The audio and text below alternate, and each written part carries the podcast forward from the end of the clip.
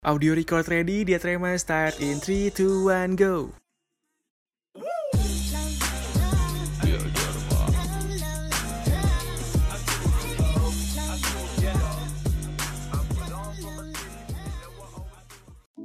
Oke, halo teman-teman. Selamat datang lagi di podcast Dia Trema episode, episode 2. Jadi, balik lagi sama gue Audi dan teman gue. Halo, gue Badil. Terus kita di sini juga ada narasumber baru nih. Itu dari Teknik Geologi 16. Itu Bang Pamunga sama Bang Gazi. Saya dulu, Bang. Ya, halo, semua. Hmm. Oke nih, jadi di episode kedua kita bakal ngobrolin apa sih, Dil? Nah, jadi Sama kita narasumber kita ini. Nah, perlu gue jelasin nih. Jadi di, di podcast Oke. episode kedua ini kita bakal ngobrolin sama berbagi juga pengalaman bareng sama kakak tingkat kakak tingkat kita nih yang sedang ngelakuin penelitian tugas akhir di gitu. Di mantep. Jadi sebelumnya abang-abang boleh kenalan dulu nih sama pendengar kita. Coba Bang Pam sama Bang Gazi dipersilahkan. Oke, halo teman-teman. Eh, nama saya Pamunga Rudi. Eh, terus saya angkatan 2016 Teknik Geologi di Universitas Pertamina. Eh, saya asal daerah ya dari Enimrekan Sulawesi Selatan. Udah gitu ya kali ya.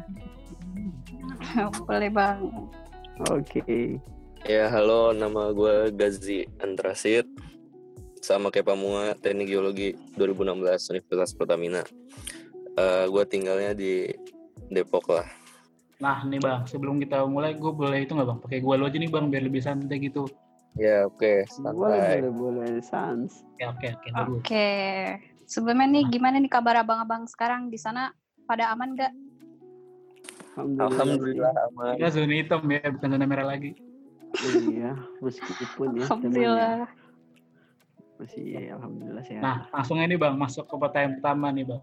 Lokasi TA kalian tuh di mana aja sih, Bang Gaji lu deh. Oh ya, gue kebetulan kemarin lapangannya di Kalimantan Timur. Tepatnya di Sepaku. Itu deket Balikpapan sih. Jauh tuh dari sini. Ya, jauh lumayan. Nah, kalau Bang Pamunga gimana nih? Oke, kalau lokasi penelitian saya itu di Sulawesi Tengah, tepatnya di Kabupaten Banggai, itu di namanya daerah Toili. Jadi di sana itu kalau kita dari Jakarta, kita dua kali naik pesawat buat ke sana.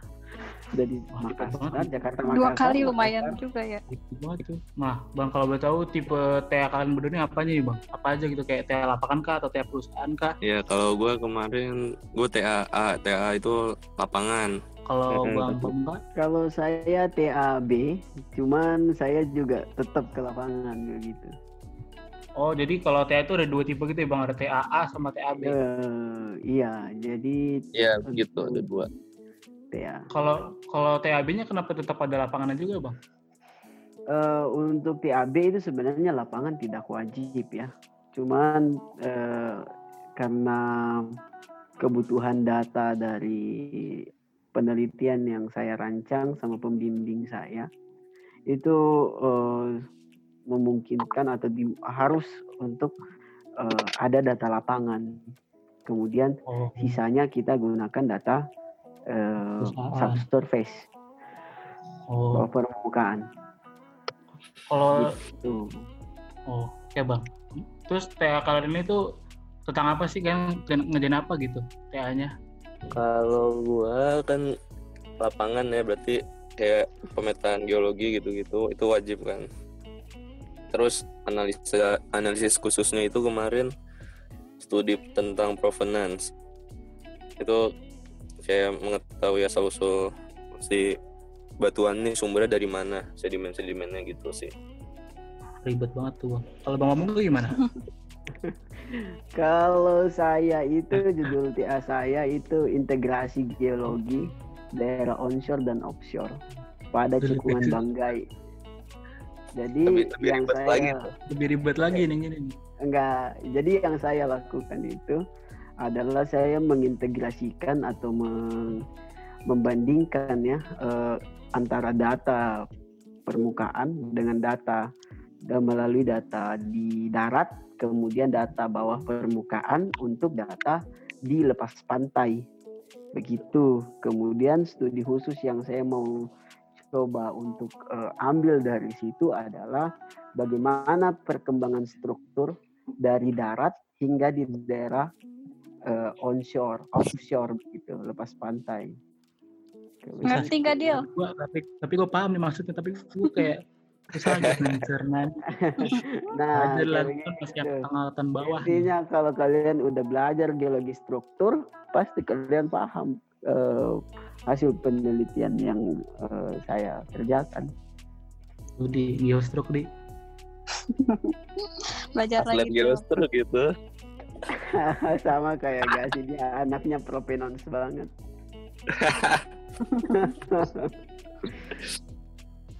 Kalau boleh Hmm. tahu pembina pembina abang nih siapa aja bang?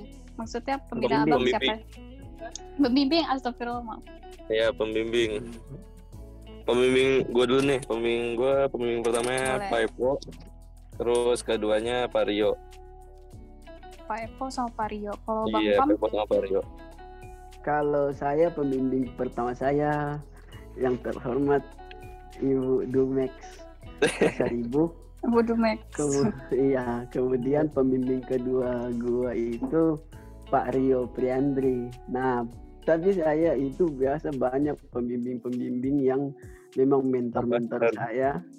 Eh, jadi kayak Pak Ega, Pak Ega dong Pak Abang Mansur Nugraha yang selalu membimbing gitu kan. Bang Ega. Jadi ya, iya, jadi ya itu pembimbing-pembimbing saya. Semua sih sebenarnya Oh, dosen pembimbing, nanya- cuman mau nanya nih, Bang. formal. gimana tuh itu kan pembimbing abang kan tadi kan ada dua tuh bang itu itu tuh kita tuh milih sendiri atau emang dua itu udah ada pasangannya gitu? Milih sendiri sih. Jadi ngajuin ngajuin gitu ke dosennya. Kayak pas saya mau bimbingan sama bapak topik saya ini ini saya mau bahas ini gitu loh. Oh jadi tiap dosen tuh kita bikin proposal-proposal buat iya dari betul. pembimbingnya gitu? Mm-mm. oh oh ngerti ngerti. Nanti tergantung apa tergantung dosennya nih mau ngebimbing kita atau enggak gitu Iya. oh jadi bisa bisa telak juga nih bang? Iya bisa Waduh. jadi tolak kalau misalnya topik yang kita bahas ternyata nggak sesuai sama bidangnya mereka gitu. Oh. Saya nggak nggak menarik gitu bang. Iya. Lagi nih bang? Kan beda udah ngelakuin TA nih bang. Nah gue mau nanya nih bang.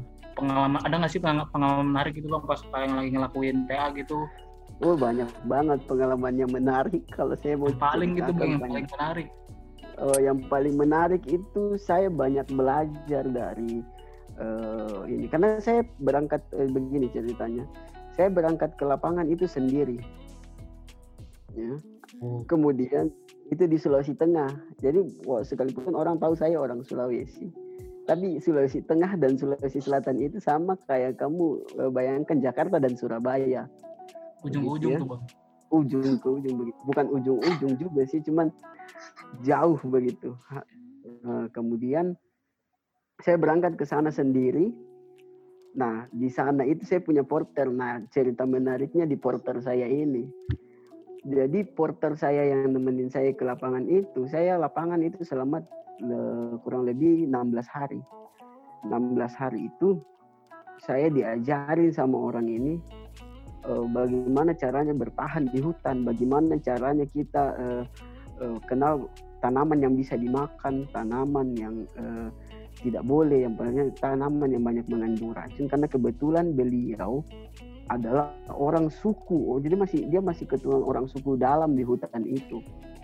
Nah, kemudian cuman al- syukurlah dia bisa bahasa Indonesia.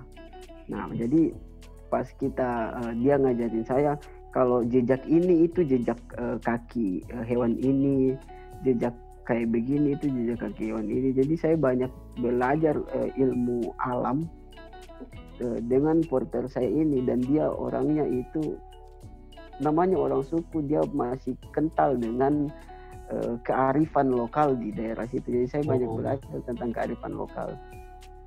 nah bang kan itu kan ini kan latar tempatnya di hutan nih bang itu ada nggak sih hewan-hewan aneh gitu bang yang nggak pernah ketemu atau ada gitu di situ yang Apa biasa itu? yang banyak hewan itu gak sih sih coba ada Iya. cerita gak sih tentang hewan? Iya kan di tempat mapping gue termasuk masih hutan gitu ya. Jadi Oh. jalanan jalan kayak misalnya mapping di mana? ya? Misalnya kalian field trip ke Cipamingkis gitu itu kan jalannya udah bagus ya. Ini tuh Udah aspal. Ya. Iya, ini Udah tuh nggak ada jalan aspal. Banyak jalan setapak. Nah, jadi waktu itu lagi lagi ke apa masuk hutan nyusurin mau ke mau ke tempat yang ada goanya. Terus hujan nih. Hujan deras. Kita balik dong jadinya. Soalnya masih jauh tempatnya. Terus pas balik ketemu ini babi hutan dari dua. Lari ke arah kita ya udah kita kabur-kaburan lah itu. iya dikejar babi. Terus gimana pertama babi kali itu ketemu babi hutan. Ya udah babi terus kabur sih nggak tahu ke mana. Itu lu rame-rame itu bareng sama teman-teman yang sama-sama TA atau kayak porter kayak Bang Bang gitu, Bang? gue sama yang TA juga sama Dewi. Oh, jadi lu nggak pakai porter nih? iya. Tapi ada beberapa hari yang pakai porter yang masuk-masuk ke daerah-daerah suku gitu pakai porter gue Oh. Oh nih Bang, mau nanya Bang. Kalau tuh dapet porter-porter gitu tuh dari emang dapet kenalan gitu atau emang randomnya dapet orang gitu buat dijadiin porter? Hmm, Random minta ke ini sih minta paling kenalan dari yang kan kita eh kemarin tuh tinggal di rumah warga setempat gitu kan Oh. nah terus paling minta dari situ sih kayak minta tolong orang buat nemenin nanti yang dikasih ngerti tempatnya gitu. iya yang ngerti tempat Hmm, ya seperti itu biasanya. Terus bang, gue juga pengen tahu dong. Kayak misalkan kalau sebelum kita TA apa aja sih yang harus kita persiapkan gitu?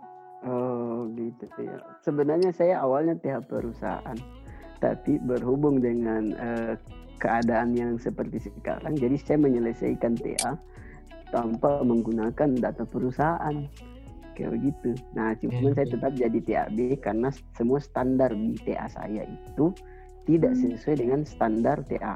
Nah, kemudian masuk pertanyaannya tadi eh, apa namanya? Untuk persiapannya itu eh, yang pertama kita siap eh, berdiskusi dengan pembimbing buat eh, diskusi yang matang dengan pembimbing kita.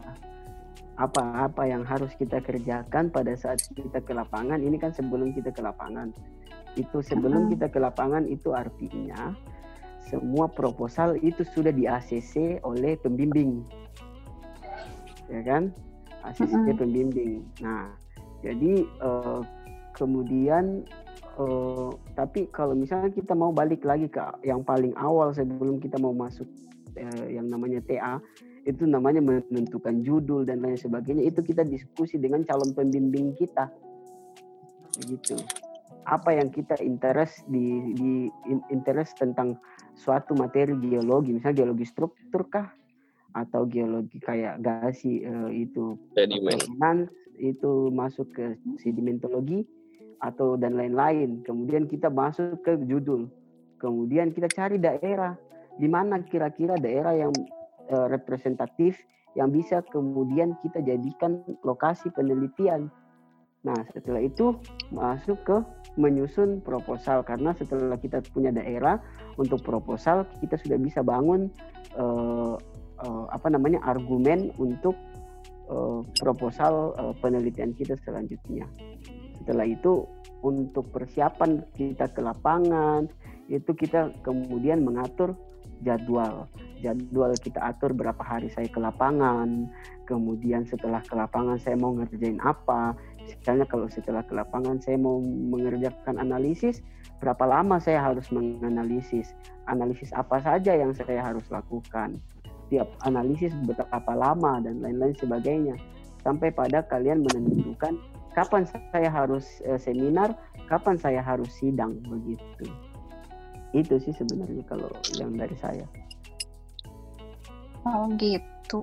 Kalau misalkan dari Bang Gazi sendiri, kalau TA lapangan, kira-kira apa yang Ya. harus kita siapin? Apalagi sampai Kurang harus lebih. keluar pulau gitu. kurang lebih sama sih kayak Pamunga soalnya kan Pamunga juga ke lapangan nih Iya. ya paling itu sih maksudnya ngelihat dari apa dari teman-teman juga eh yang penting sih kayak harus ini dulu sih apa nanya yang jelas lah ke pembimbing kita tuh di lapangan butuh data apa aja buat ngerjain TA kita nih. Soalnya ada juga beberapa yang udah balik dari lapangan ternyata datanya kurang cukup atau eh, cara pengambilan datanya salah jadi harus balik ke lapangan lagi. Kan itu eh, butuh waktu tambahan lagi kan apalagi lagi pandemi kayak gini. Jadi TA-nya terhambat banget kan nggak bisa lanjut. Itu sih paling Kalau bang, kalau persiapan fisik itu perlu nggak bang? persiapan fisik Pam lu olahraga nggak Pam? Waduh, Kamu- kalau gua kemarin itu persiapan fisik sebenarnya tidak ada. Cuman itu Nah, eh, betul. sebaiknya dilakukan. Soalnya gue gendut bang, jadi gue kayak pasti susah nih di lapangan gitu, capek. Saya mau kasih gambaran sedikit ya. Mungkin Gazi juga punya gambaran nanti. Eh, Saya mau kasih gambaran di lapangan saya itu setiap jadi saya lapangan selama 16 hari. Setiap kali saya ke lap, setiap hari itu saya dari rumah dari base camp tempat tinggal saya ke tempat eh, penelitian itu jaraknya 24 km. Saya naik motor ya, itu naik motor masih bisa dijangkau naik motor. Setelah itu eh, sisanya saya jalan kaki. Jalan kakinya itu yang saya track di GPS saya itu setelah saya olah data itu yang paling pendek perjalanan kaki saya itu 16 km PP. Jadi itu pulang Super, pergi em, 16 kamu. km. Jadi Jauh banget. Saya pernah jalan kaki 21 km. Coba bayangkan itu berangkatnya aja 10 km. Baliknya juga otomatis kurang lebih 10 km kan. Karena mau Lebih capek balik dari survei Pam, survei Banten. Lebih capek daripada itu. Wah. Tapi karena kayak gitu tuh eh, tiap hari dua bang. hari. Iya satu dua hari kita eh, awalnya capek kan. Kemudian eh, setelah itu setelah dua minggu itu di sana atau setelah 10 hari saya seminggu lah ya setelah seminggu itu kalian sudah eh, biasa kayak ya emang kayak begini kayak begitu capek ya Emang paling harus duduk dijalanin. aja. iya kadang saya pernah eh, merasa kayak kayak kaki saya itu udah kayak udah capek banget gitu loh kayak udah nggak mau jalan tapi oh, saya nggak bisa saya harus jalan kalau nggak Mau gimana lagi? yang iya, kelar tugasnya. iya makanya Iya, kalian harus latihan lagi sih. fisik Ke persiapan juga kalau kalian emang ngerasa oh kalau jalan jauh gitu kalian kurang mampu ya kalian nyari lapangan kalian tuh yang tempatnya gampang diakses gitu-gitu ya Pam. ya? Iya betul. Kalau kalian memang eh, tidak kuat begitu untuk jalan kaki ya, misalnya, eh, masih banyak juga eh, apa namanya eh, alternatif yang lain. Tetap ke lapangan tapi dengan alternatif yang lain yang bisa kita eh, lihat untuk mempermudah akses. Eh, ini deh, kira-kira apa sih tantangan atau kesulitan yang abang-abang hadapin selama melakukan TA ini? Apalagi coba Bang Gazi coba di lapangan itu tuh kesulitannya apa sih yang jadi tantangan? Ya paling nyari singkapannya sih itu sulit. Terus akses di lapangan apa lagi kesulitannya? Oh kalau nggak ada warung nih, kita mau beli minum bingung. ya udah aus aja di lapangan. Kalau habis kan? Berarti harus bawa sendiri atau gimana Bang? Iya emang bawa sendiri dari dari basecamp bawa, tapi kan kalau habis di lapangan nggak bisa beli juga. Paling kalau ada sumber mata air Betul baru juga. kan. Mm-mm. Apalagi ya kesulitan di lapangan. Kalau hujan sih paling repot tuh. Petanya basah, takutnya Kalau hujan kan gitu? basah. Berarti ned- neduh dulu atau balik atau gimana Bang? Kalau hujannya masih gerimis-gerimis dikit sih masih jalan sih, masih nyatet gitu-gitu sambil pakai payung kan bisa. Kalau udah gede banget? ya Iya, Iya maksa. cari tempat neduh, Bang, cari tempat ngudus sih. Iya gimana? Kan tadi kan lu bilang kalau kesulit- kesulitan itu susah nyari singkapan. Tapi terus gitu kalau gitu pas di proposal lu ngisi tempatnya gimana? Berarti nggak nunjukin prop- nggak nunjukin lokasi singkapan gitu, Bang? Enggak sih, paling di proposal di proposal gua sih nggak ada lokasi singkapannya, nggak ada titik singkapannya. kecuali kalau udah survei kali ya kalau udah survei kan udah tahu nih lokasi-lokasi singkapan yang bisa jadi singkapan kunci kita nanti Oh jadi lu jadi lu nebak tempat ini tuh kayak emang kira-kira di situ enak gitu buat cocok buat Iya. tugas ya lu doang gitu. nah iya itu salahnya kalau nggak survei kayak gitu ya paling ntar kalau singkapannya dikit ya geser kaflingnya ke sebelah mana gitu Kalau bang ngomong kan juga gitu berarti. Kalau di saya itu untuk ke apa namanya eh, kendalanya di lapangan atau kesulitan saya pada saat di lapangan itu karena saya tidak ada teman diskusi di lapangan. Jadi saya sendiri. Oh jadi Jadi saya- abang yang ngajak teman-teman gitu. Kayak bang Gazi kan ya bang Gazi berdua nih. Iya Bang Gazi, Ga- Bang Gazi, Gazi kan dia berdua tuh, yang Gazi. Nah, terus kalau gua kemarin itu gua sendiri, karena gua udah capek nyari orang buat nemenin gua, gua, gua, udah gimana caranya eh, gua buat eh, memperkenalkan eh, daerah da- daerah lokasi penelitian itu ke orang-orang biar mereka tertarik ke sana. Cuman nggak ada, sama Jadi ini udah. sih paling nggak ada. eh, cuman- masuk-masuk ke daerah tertentu tuh itu agak agak susah. Misalnya kayak tambang warga atau daerah-daerah yang punya suku gitu tuh lumayan susah sih masuknya. Soalnya Iya. kurang paham juga mereka kan kita udah kasih surat juga. Kecuali kan tambang yang perusahaan itu. Oh, soalnya dikiranya kita dari nggak tahu sih kalau di tempat kamu gimana. Kalau di tempat gue sih kemarin dikiranya kayak orang pemerintah gitu loh kayak mau sidak gitu loh mereka tuh takut-takut gitu kalau kita masuk jadi kebanyakan nggak dibolehin masuk gitu Iya sih. Tapi kalau misalkan Kalau emang tempat kaflingnya di situ gimana bang? Misalnya kayak lu tuh harus ke dalam situ gitu bang.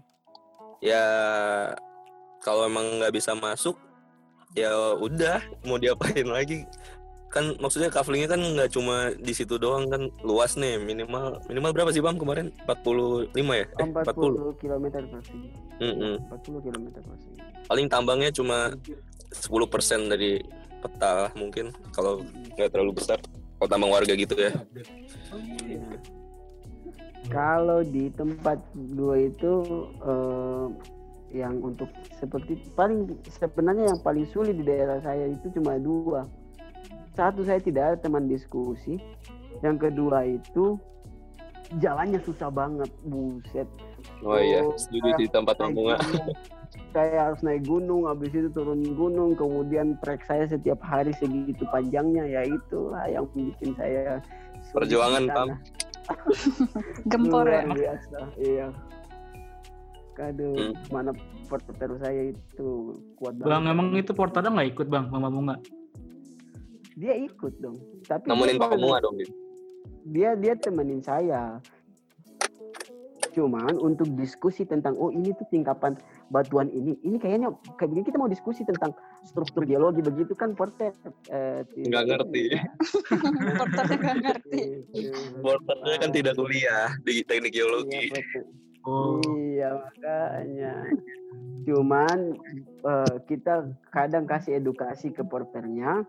Kalau misalnya oh ini yang seperti ini namanya singkapan. Kalau yang kayak begini namanya boulder.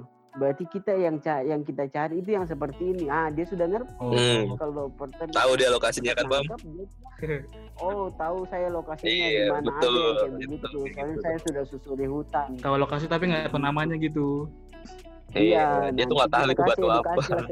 Iya. kayak begitu. Nanti dia tahu dari warnanya aja nih. Oh, yang hijau-hijau kayak begini itu daerahnya di sana.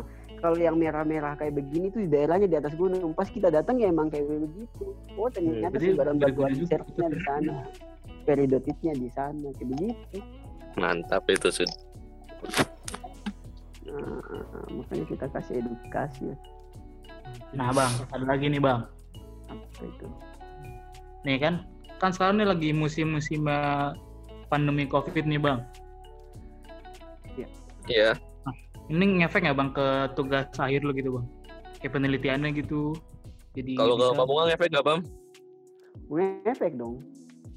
gimana tuh bang hal yang banyak hal yang tidak gua lakukan gara-gara covid ini Hmm. kayak misalnya saya harus analisis petrografi saya harus analisis fosil kemudian saya harus masuk ke perusahaan buat minta data subsurface tapi gara-gara covid semua batal nah, Nah, apa itu. kemudian eh, jadinya saya harus pakai data sekunder karena kemudian pe- kebijakan disesuaikan kebijakan TA itu nanti disesuaikan karena eh, adanya eh, pandemi ini pandemi ini.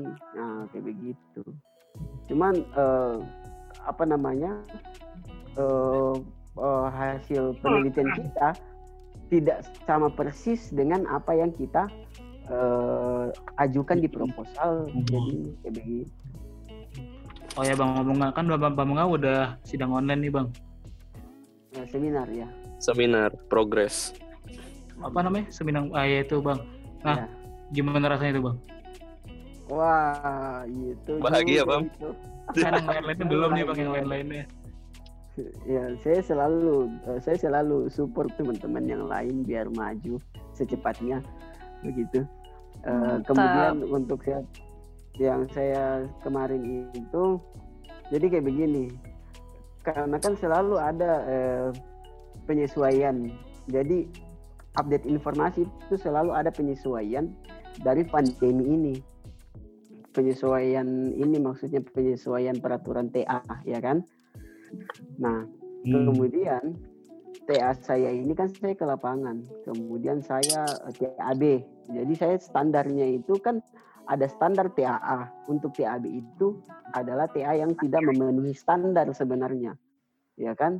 Waduh. jadi termasuk TA saya ini TA yang tidak memenuhi standar standar TAA jadi saya bisa melakukan eh, eh, hal atau penelitian saya tanpa sama dengan penelitian-penelitian yang orang ambil di TAA kayak begitu kan. Nah makanya saya itu saya langsung tanya pembimbing bu bagaimana ini? Nah pembimbing saya tanyakan ke eh, eh, KMK KMK tugas akhir. Nah setelah itu pembimbing saya bilang kamu bisa maju seminar. Kamu sudah sampai di mana eh, progresnya? Kalau kalau misalnya dengan penyesuaian kebijakan terbaru saya bisa eh, saya sudah hampir 80% selesai. Kayak begitu kan? Karena saya peta saya sudah selesai analisis struktur sudah selesai dan lain-lain. Pokoknya yang tidak menggunakan lab itu saya sudah selesai. Nah Oh, kemudian kata itu itu hamin 10 hari. Eh hamin 14 hari dua minggu lah sebelum seminar sebelum mendaftar seminar Hmm. ya udah saya bimbingan intensif coba coba. Makanya saya terima kasih banget itu sama pembimbing pembimbing saya ibu Dumex apalagi ibu Dumex itu waduh. Mantap ya. Ada Pak Rio sama Pak eh, Pak. Ega. Itu ada pembimbing saya yang jadi itu Ibu Dumex itu dia membimbing saya intensif setiap hari. Pokoknya intensif setiap hari sampai saya mengumpulkan berkas saya. Coba bayangkan sampai Wih. tengah malam saya tetap bimbingan sama ibu itu saya sampai tidur cuma dua jam kalau kayak gitu tuh yang minta tuh abangnya atau emang Budomexa kayak gimana nanya-nanya mulu atau emang abangnya yang butuh Budomexa gitu? Eh, kalau begitu eh, saya kan mas- saya mahasiswa yang saya mau lulus makanya saya juga punya beban saya menanyakan Ibu Dumex. Nah Ibu Dumex ini dia dengan sangat eh, responnya dia dia membantu pokoknya Pamunga kamu sudah mengerjakan ini oh saya sebentar mengerjakan oke ini tengah malam ya dia ngomong Ibu Dumex bilang kayak begitu. Oke nanti nanti jam 8 pagi kamu kirimkan ke saya. Ya udah saya kerjakan sampai selesai kirim jam 8 pagi. Pokoknya kayak begitu. Saya sampai zoom sama ibu. Eh, sampai pokoknya intensif banget lah pokoknya sebelum saya seminar itu. Makanya saya seminar itu karena saya diskusi sampai pembimbing saya. Saya banyak diskusi dan banyak dibantu sama teman-teman angkatan 2016 teknik geologi wah pokoknya saya salut banget deh sama solidaritas angkatan 2016 Hmm. iri gue iri. Kalau Bang Gazi gimana? Kalau deal, kalau buat yang TAA sih, kalau buat gua kan karena gua selesai lapangan itu baru mulai PSBB kan, jadi ya udah intinya lapangan udah kelar, tinggal ngerjain data-data yang dari lapangan, ya ngestaknya di ini aja analisis petrografi terus umur karena harus pakai lab kan, itu kan nggak bisa. Gitu sih. Kalau teman-teman banyak juga sih yang belum ke lapangan terus udah mulai PSBB nggak boleh maksudnya mau izin ke daerah situnya nggak boleh ke sana gara-gara di Jakarta kan covid gini Hmm, PR banget. jadi ini kan jadi apa apa yang orang suspek itu ODP, ODP.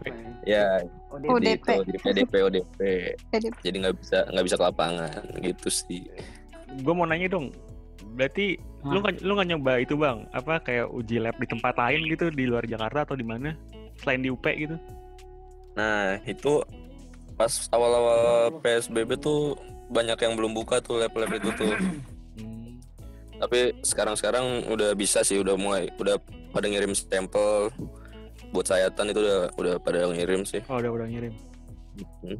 Yang paling deket di mana lagi deh? Kalau selain di UP? di Bandung ada di Jogja ada Oh Bandung tuh yang, di ITB nggak sih? iya ada yang tempatnya Boemi sama ada Oh. lagi satu lagi yang di lab apa di museum geologi tuh Hmm, banyak sih. Kalau saya di Sulawesi, saya di Unhas. Oh, saya, eh, sampel saya semua sudah kelar sebenarnya. Eh, sebelum saya eh, seminar itu sudah kelar. Tapi saya kan tidak pakai itu. Jadi bisa tidak pakai itu ya sudah. Saya memilih untuk tidak pakai itu karena biar saya bisa kejar untuk eh, menyelesaikan studi ini. Oke, ini. oke lanjut Dil. Oh, Halo, Bang. Dil, mau tanya Dil. Oh, Oke, nih Ardi Ah. gimana bang?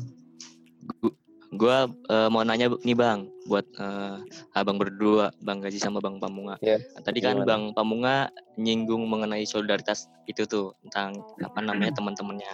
Lah itu berarti eh, pas melakukan ngerjain TA itu eh, kalian mm, eh, tetap komunikasi dan diskusi sama teman-teman yang lainnya ya yang beda lapangan gitu ya Bang. iya benar komunikasi pas kita di lapangan pasti komunikasi. Kayak misalnya kita habis lapangan terus bingung nih ada yang nemuin sesuatu yang bikin kita bingung pasti kita nanya temen. Sebelum nanya dosen sih kayaknya itu pasti deh. Terus ini udah pulang dari lapangan juga analisisnya ada yang bingung kita juga nanya nanya ke teman gitu terus sih. Diskusi sih. Berarti Iya, penting banget ya Bang ya, apa tetap kontak sama teman-teman yang iya sih. Oh, Saling support juga kan, saling support. sendiri. Keren keren keren. Makasih Ya, Bang. Jangan kalian coba-coba buat eh, kerjain sendiri. Eh, apa namanya sama juga ke- betul kata Gazi apalagi pada saat kita ngerjain analisis analisis itu wah diskusi. Saya saya banyak eh, ngerjain analisis kemudian saya sambil ngezoom sama teman-teman. Oh ini bagaimana? Coba kalian lihat pekerjaan ini apa ada yang salah kayak begitu atau sebelum dosen kita kasih ke dosen lebih baik teman-teman dulu yang mereview. Ya betul. Dikoreksi sama teman-teman sama minta masukan dari teman-teman ya minta masukan. Oh iya iya iya iya iya. Lanjut deal. Nah, buat yang lain ada yang mau nanya lagi nggak nih? Oh iya, gue mau nanya dong. Penasaran, penasaran. Nih, tadi kan Bang Pamunga cerita kan Bang ya, kalau porternya tuh ngajarin Bang Pamunga kayak apa namanya, eh, tumbuhan yang bisa dimakan nih kalau di hutan, yang kayak gitu-gitu kan Bang. Iya. Nah itu itu Bang Pamunga pas di lapangan nyobain nggak kayak misalnya pas porternya nunjuk, oh ini bisa dimakan gitu, Bang Pamunga nyobain nggak Bang? Iya saya nyobain.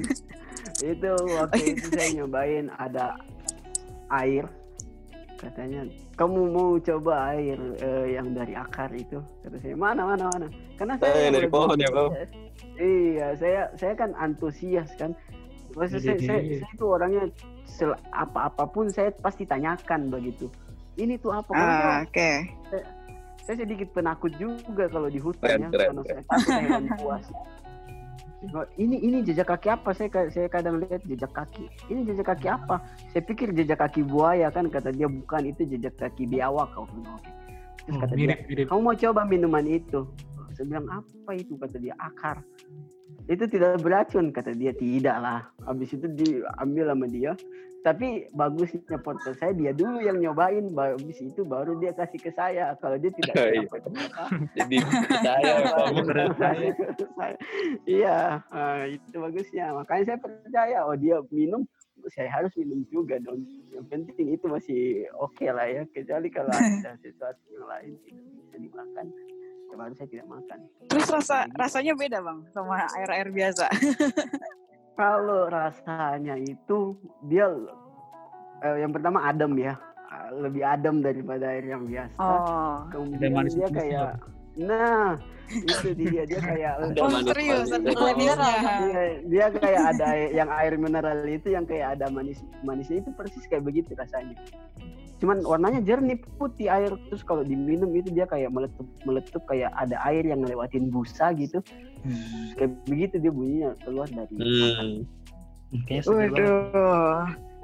Oh, kemudian saya disuruh saya dikasih makan juga ujung rotan. Di hutannya itu kan hutan tua ya. Jadi masih banyak rotan di dalam.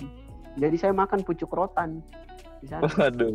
Apa rasanya, Pam? Kan rasanya itu kayak makan singkong begitulah kayak hambar cuman makannya itu sama mentah-mentah gitu ikan, bang.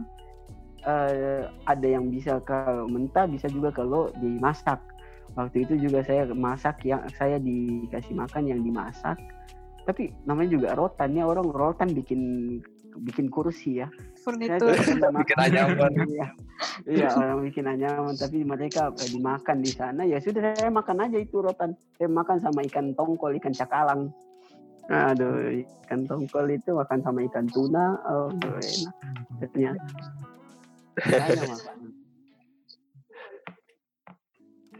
Gue mau nanya lagi dong, Dil. Boleh, boleh. Silahkan. Tadi buat Bang Gazi nih, tadi kan lapangan lu banyak kayak tambang-tambangnya gitu, Bang ya? Nah itu Iya. cara izinnya gimana, Bang? Kan mereka mereka nggak tahu Oh. juga nih kalau mahasiswa buat TA gitu-gitu tuh. Iya, kalau misalnya tambangnya yang tambang perusahaan gitu, kita izinnya dari jauh-jauh hari sih sebe- sebenarnya. Cuma kalau yang tambang-tambang warga, ya harus aja kita ajak ngobrol sih. ya udah, Gimana? tuh? lobby-lobbyan aja gitu. Astaga. Sampai boleh masuk kan, ngapain kayak ngajak ngobrol bagi rokok ngapain? Bener, bener, bener, bener. Nyogok lah nyogok gitu. Iya, maksudnya ya udah ngejelasin kita nih mahasiswa ini, ini nggak ada maksud apa-apa. Soalnya gue Iya. kemarin sempet dikira orang perusahaan mau nyari batu bara gitu Oh, di tanahnya dia terus akhirnya sampai ag- di agak lama tuh. Mm-mm, itu agak lama tuh alot tuh diskusinya. Awal-awal datang tuh sampai di di ini apa sih yang golok kayak orang Kalimantan tuh namanya lupa Mandau. gua. Mandau. Nah, iya. Sampai Eh. digitu dipegangin itu terus dia, dia Ngeri banget. Gokil. Iya, anjir. wah kacau sih itu. Tapi berarti kalau perusahaan resmi gitu, kita kayak lampirin surat gitu-gitu juga kan? Atau gimana? Ya betul. Biasanya pakai surat pengantar dari kampus sama paling kalau perusahaannya minta proposal ya udah kita kasih proposalnya. Hmm. Terus kalau kayak Bang Pams gitu, kalau masuk-masuk hutan, pakai surat juga Bang? Apa gimana? Eh, kalau masuk hutan nggak kecuali hutan itu adalah hutan lindung kita harus minta dari eh, eh, kalau misalnya hutan itu kalau hutan lindung kayaknya nggak usah Perhutani. pengalaman ya perhutani. i- Hmm. iya kalau misalnya dia hutan eh, kayak di Ciletuh itu di Ciletuh itu kita harus minta ke BKSDA kalau kemarin di tempat saya nggak ada saya Hmm. masuk hutan mah masuk aja orang yang saya temani ini dia yang punya hutan bener, bener, bener, bener. Kenapa saya bilang begitu? Ada alasannya. Jadi orang yang eh, porter saya ini dia peker- pencarian utamanya itu dia mencari damar di hutan. Hmm. Hmm. Hmm. Jadi di dalam hutan itu ada hutan di sebelah barat laut itu di eh, sebelah timur laut itu di daerah saya. Dia itu ada hampir katanya 1.200 pohon damar di dalam di luas area. Coba bayangkan 1.200 pohon damar yang pohon damar itu lebih gede daripada pohon pinus di puncak itu. Heeh. itu dia yang hanya dia berdua yang eh, Tahu bisa posisinya. eh, iya, dia bisa tahu posisinya eh, pohon damar itu di dalam hutan. Nggak pernah orang ada selain mereka berdua di dalam hutan makanya saya bilang oh berarti kamu yang punya hutan separuh kalau kayak gitu." saya berjalan sama orang yang tepat saya bersyukur Iya, alhamdulillah sih itu, Bang. alhamdulillah Tapi kan lu jalan jauh gitu, pernah camp di dalam hutannya nggak sih Bang? saya nggak mau camp di dalam Oh, hutan pokoknya, pokoknya Kan kalau biar misalnya kerasa saya- hutannya gitu bang. apa Biar kerasa petualangannya gitu. Nah, kalau kerasa Waduh. hutan sih di base camp juga udah kerasa hutan deh kayaknya, Pak. Iya sih benar juga. nggak mau. Karena, karena apa? Yang pertama risikonya tinggi karena saya cuma berdua jalan. Iya, iya, walaupun benar. orang ini berpengalaman tapi saya tidak mau karena ya pertama itu risikonya tinggi ya. Kemudian kalau perjalanan jalan di hutan saya misalnya sudah jam 3 jam 3 di tengah hutan tapi perjalanan saya ke sana itu 12 km yang jalannya itu misalnya 4 3 3 4 jam untuk jalan ke sana saya bilang jam 3 kita harus balik bagaimanapun caranya jam 3 kita balik selesai tidak selesai karena balik pasti udah maghrib kalau maghrib saya harus 24 kilo lagi eh, buat pulang ke base camp saya delapan tuh. Betul. oh saya saya pernah sekali Gelap. gelap Nggak ada lampu. nggak ada lampu kemudian hutan sawit sepanjang mulai dari kilo 14 kilo 24 sampai kilometer 14 berarti 10 kilometer 10 kilometer itu hutan sawit yang gelapnya waduh minta ampun kemudian kemarin-kemarinnya itu sebelum sebelumnya saya diceritain yang angker-angker ya udahlah saya Hmm. takut saya sendiri Oh, iya. Pengalaman horor sih. Harusnya pengalaman horor. Iya, iya makanya aduh. Uh, pokoknya saya tidak mau kena malam. Eh, Saya selalu menghindari malam di coupling saya itu. Gila. Jangan kalian bayangin kalau kalau misalnya dari Cipamingkis dari Jonggol ke Sungai Cipamingkis itu itu masih lebih kota dibanding yang tempat saya itu. Oh iya, jauh lah Pak. Jauh banget. Coba bayangkan hanya ada satu DVD di kampung itu. Uh, waduh. Itu Spotify belum ya? Spotify belum mana ada. Kamu kamu kamu nelpon aja, kamu nelpon aja ini, kamu harus jalan 10 km buat nyari jaringan. Kacau sih tempatnya Pamungan ya. Wah kacau itu tempat itu kampung. Dan tapi kearifan lokal di sana itu yang bikin saya salut karena dia terbuka dengan orang-orang pendatang dan dia banyak Hmm. mengajarkan hal-hal baru untuk ke orang-orang pendatang. Saya saya begitu kan. Mereka ramah. Namanya kampung Uemea. Nama orang sukunya itu orang suku Ta suku Wana Listrik aman Pam di sana Pam. Listrik itu kalau di rumah porter saya nggak ada listrik Jadi ngecas bayangin. gimana?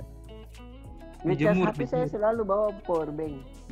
Porter saya nggak punya handphone. Di base camp tapi ada listrik. Di base camp di base camp yang 24 kilo itu sudah ada listrik soalnya itu Oh. kecamatan. Ya ya ya. ya. Begitu. Kalau di tempat penelitian yang 24 kilo masuk ke dalam itu, itu nggak ada, nggak ada listrik di rumah porter saya itu. Kemudian semua teknologinya teknologi-teknologi anggaplah teknologi-teknologi yang alam begitu. Karena rumahnya dia tidak ada yang pakai paku, satu satu, satu doang pakunya begitu Hmm. kemudian eh, dia mengawetkan makanan kalau kita saya bawa ikan ke dalam ke atas saya kadang bawa ikan banyak soalnya saya tinggal di pantai dia tinggal di gunung saya bawa ikan ke atas ikan kalau banyak saya bawa ikan dia diasapi biar bisa tahan sampai seminggu Hmm. Nggak ada kulkas Iya betul. Betul, betul. pokoknya kalian harus coba ke sana ya sekali-sekali Apalagi Siap bang. Dip- Dipikirin lagi sih. ajakin saya Mental, nanti. itu mental, itu butuh mental bang.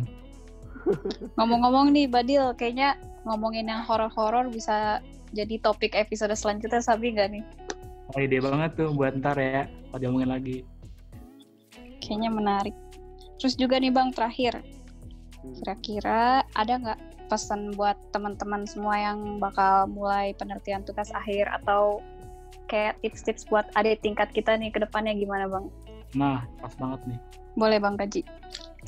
Hmm, apa ya?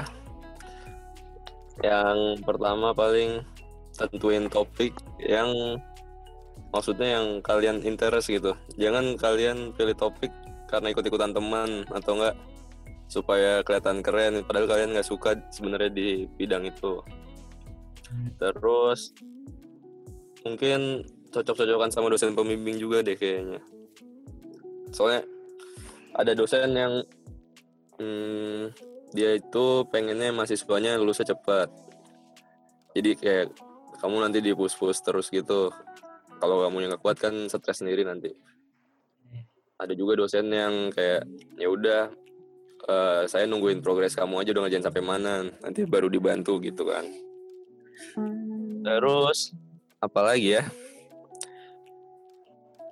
Hmm, paling ini sih jangan jauh-jauh lah sama teman. Soalnya teman-teman tuh berguna banget buat di lapangan, buat analisis. Ya pokoknya pasti teman tuh ngebantu kita lah dan kita juga harus ngebantu teman-teman kan. Terus apa lagi ya? Apa lagi, Pam? Wah udah itu hampir udah semua lu sebutin deh. Gak ada lagi buat gua. Ya paling ini kan kalian punya kakak tingkat nih. Nah itu kakak tingkat dipergunain lah. Kalian tanya-tanya segala macam. Misal kalian mapping mapping di tempat mapping di cafe deket sama eh, tempat kakak tingkat kalian pernah mapping kan kalian bisa nanya-nanya minta kontak orang di sana minta segala macam kan tuh itu sih plusnya buat kalian Oke deh bang. Makasih pesan-pesannya dan Siap. tips yang berguna banget. Iya pastinya. Ya pokoknya intinya kalau dari saya itu cuma satu itu yang dari saya. Eh, kalian jangan pernah lupakan eh, kalian jangan berjalan sendiri pada saat kalian ngerjain TA. Kalian harus jaga solidaritas kalian semuanya pada saat kalian ngerjain TA. Soalnya itu penting banget buat kalian dan juga buat teman-teman kalian. Kalau kalian ada tahu, kasih tahu teman kalian. Kalau teman kalian ada tahu, kalian juga harus tahu. Kayak begitu. Apalagi untuk sharing-sharing tentang informasi terkait TA, wah itu kalian harus eh, sebagaimana bagaimana caranya biar teman sampai semua ke teman kalian. Gimana Dil? Ada lagi nggak Dil? Dari gua sih cukup segitu aja. Lu mau nambahin nggak? Kayaknya cukup juga ya menurut gue. Ya berarti berarti kita bisa ngakhirin podcast ini dong. Oke, jadi buat abang-abang kita, Bang Pamunga dan Bang Gazi, makasih banget udah ngeluangin waktunya malam ini buat ngobrol-ngobrol, sharing-sharing sama kita. sama makasih juga Semoga- iya. kesempatan Makasih banyak. Pokoknya semoga abang-abang dimudahkan TA-nya. amin Dan juga amin amin pandemi ini nggak jadi penghalang buat abang bisa lulus sesuai target. Amin. Amin, amin, amin. Pokoknya jangan sampai ada hambatan-hambatan lagi dan semoga aja nggak wisuda online ya bang ya. Amin. Amin. Amin. Penting tuh. Amin. Kalian juga yang kalian juga yang semangat ya belajar. Kalian masih menempuh beberapa semester ini buat Iya. Pasti bang. Jangan Siap, kalian Bang. Siap. Bang. Bang, mohon bimbingannya bang. Siap, pokoknya kalau Iya. ada tanyakan langsung. Oh iya, jadi kayak udah sekian dari gua. Jadi kayak makasih banget abang-abang udah pada mau diajak ngobrol-ngobrol kita di sini. makasih juga Kurang lebihnya mohon maaf Iya, ya bang ya Ya, kalau masih banyak kekurangan. Yo. Buat kalian semua jangan lupa buat follow sosial media kita di Instagram di mana Dil at hmtg.mahandraga sama follow LinkedIn page kita di di Himpunan Mahasiswa Teknik Geologi Mahandraga. jangan lupa juga buat subscribe kita di YouTube di mana Dil Pastinya di HMTG Mahandraga. Jangan lupa subscribe guys. jangan lupa gue Audi dan rekan gue Gue Badil dan serta teman-teman yang udah ngebantu buat ngeramein podcast ini. Mana suaranya?